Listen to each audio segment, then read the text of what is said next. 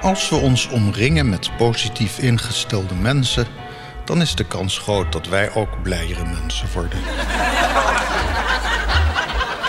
En omgekeerd, als u zich omringt met negatieve mensen, dan verliest u op den duur ook uw levenslust. An awful lot of nickels rolled in during those depression years. Dat is de betekenis van het gezegde wie met pek omgaat, wordt ermee besmet.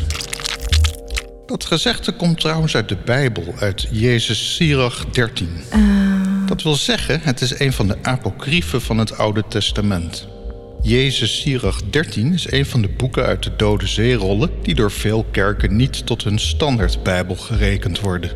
Maar waarom? Zo vragen wij ons af. Waarom? Waarom? Waarom? Waarom? Heel veel waaroms. Ik snap het niet. Is de tekst daarin te duidelijk of te waar? Echt waar? In deze tijd van Voice of Holland schandalen waarin veel plegers hun straf ontlopen, is er veel in de tekst van Jezus Sirach 13 pijnlijk actueel. Permitteer mij een stukje voor te dragen uit de Nederlandse vertaling. Wie met pek omgaat, wordt ermee besmet. Wie met een hooghartig mens omgaat, wordt aan hem gelijk. Een rijke handelt onrechtvaardig en maakt nog ophef ook. Een arme wordt onrecht aangedaan en zij moet zich ook nog verontschuldigen. Als je een rijke tot nut bent, profiteert hij van je. Als je tekort schiet, laat hij je links liggen. Als je iets bezit, blijft hij bij je. Hij zuigt je uit, dat deert hem niet. Heeft hij je nodig, dan misleidt hij je. Met een glimlach geeft hij je hoop en vriendelijk vraagt hij: Wat kan ik voor je doen? Hij overlaat je met lekkernijen tot het moment komt dat hij je plundert, tot twee tot drie keer toe. Ten slotte drijft hij de spot met je. En komt hij je nog eens tegen, dan laat hij je links liggen en schudt meewarig zijn hoofd. Pas op dat je niet wordt misleid, laat je niet door je blindheid vernederen. En iets verderop lezen we: Een rijke hoeft maar te wankelen en zijn vrienden ondersteunen hem. Als een arme valt, geven zijn vrienden hem nog een trap na. Als een rijke struikelt, helpen velen hem. Zegt hij ongepaste dingen, dan praat men het goed. Als een arme struikelt, krijgt zij verwijten. Geeft zij blijk van inzicht, dan wordt er niet naar haar geluisterd. Als een rijke spreekt, zwijgt iedereen en wat hij zegt wordt opgehemeld.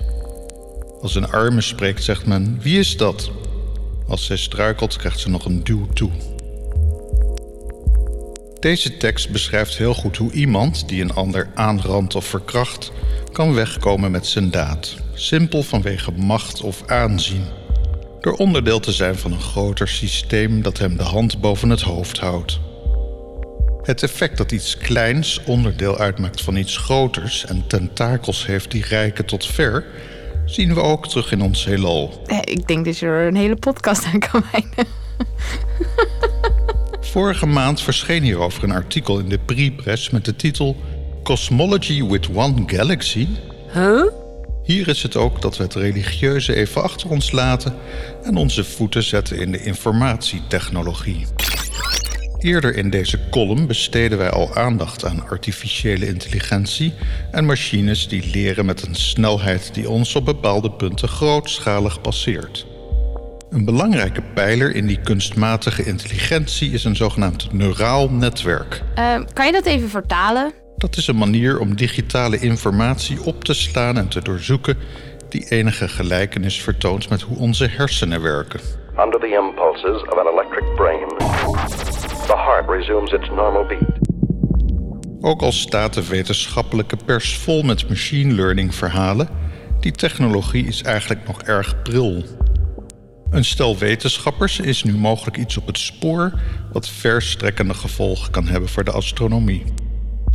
Traditioneel wordt de samenstelling van ons heelal bestudeerd door zoveel mogelijk informatie te verzamelen en zo diep mogelijk dit heelal in te staren. 100 times more powerful than the 31 year old Hubble telescope, Webb can see back in time all the way to the let there be light moment. That instant when a cold, dark universe ignited into stars. Wat de wetenschappers ontdekten is echter dat een neuraal netwerk de samenstelling van het heelal kan afleiden uit één enkel melkwegstelsel. Ik snap het niet. Dat is vergelijkbaar met zeg maar een korrel zand bestuderen en daaruit de geologie van de hele planeet Aarde afleiden. Kort gezegd kan dit betekenen dat toekomstige astronomie nieuwe dingen kan zeggen over het grote geheel door te kijken naar kleinere onderdelen. Dit is een compleet nieuw paradigma, aldus Francisco Villaescusa Navarro van het Flatiron Institute in New York. Dit instituut formuleert haar doelstelling als volgt. The mission of the Flatiron Institute is to advance scientific research through computational methods, including data analysis, theory, modeling and simulation. Mooi man. Ik zet wel een link in de show notes van deze podcast als u meer over het Flatiron Institute te weten wil komen. Het mooie is dat de ontdekking voort is gekomen uit een onderzoeksproject van een student, Jupiter Ding, de tweede auteur van het eerder genoemde artikel. Eigenlijk moest Ding alleen maar zichzelf leren programmeren met behulp van machine learning, maar toen rolde dit bijzondere bijproduct uit zijn experimenten. Formeel heet het experiment CAMELS, wat staat voor Cosmology and Astrophysics with Machine Learning Simulations. Hierin werden zo'n 1 miljoen kunstmatige heelallen geconstrueerd en de software van Ding kon de samenstelling van deze heelallen verrassend goed construeren door naar één kunstmatig melkwegstelsel in elk zo'n heelal te kijken. Parameters die het algoritme bestudeerde waren zaken als massa, grootte, rotatie, compositie en nog een handjevol andere gegevens. Ook bij het gerenommeerde Max Planck Instituut wordt verbaasd gekeken naar de resultaten van de software van Ding en met name de precisie daarvan. Het kostte enkele maanden om uit te vlooien hoe dit algoritme dit soort conclusies kon trekken, die nog klopten ook. Maybe you're right. Dat is de pest van machine learning.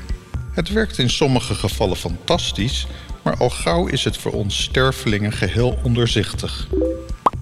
U kent misschien wel het nonsensverhaal dat Facebook de stekker trok uit een kunstmatige intelligentie die een eigen taal had ontwikkeld.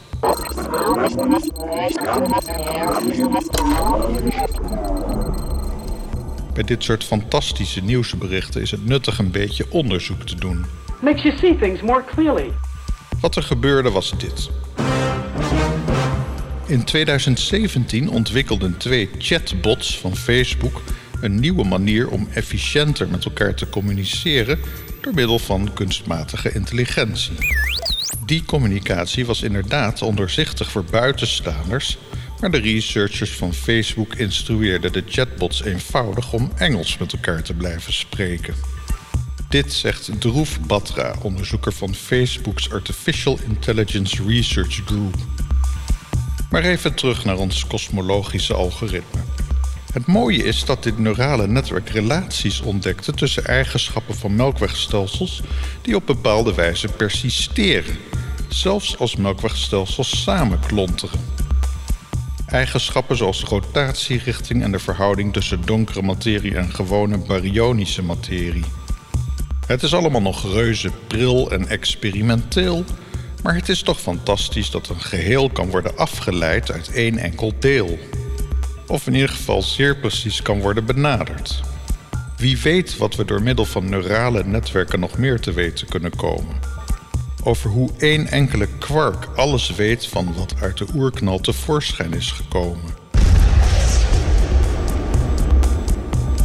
Of hoe één cel in uw lichaam kennis heeft van uw algehele gestalte.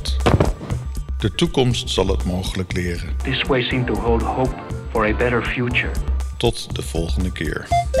Gaat jou dit ook allemaal te ver en snap je er ook niks meer van, net als ik? Druk dan op unsubscribe en volg Zimmerman in Space niet meer.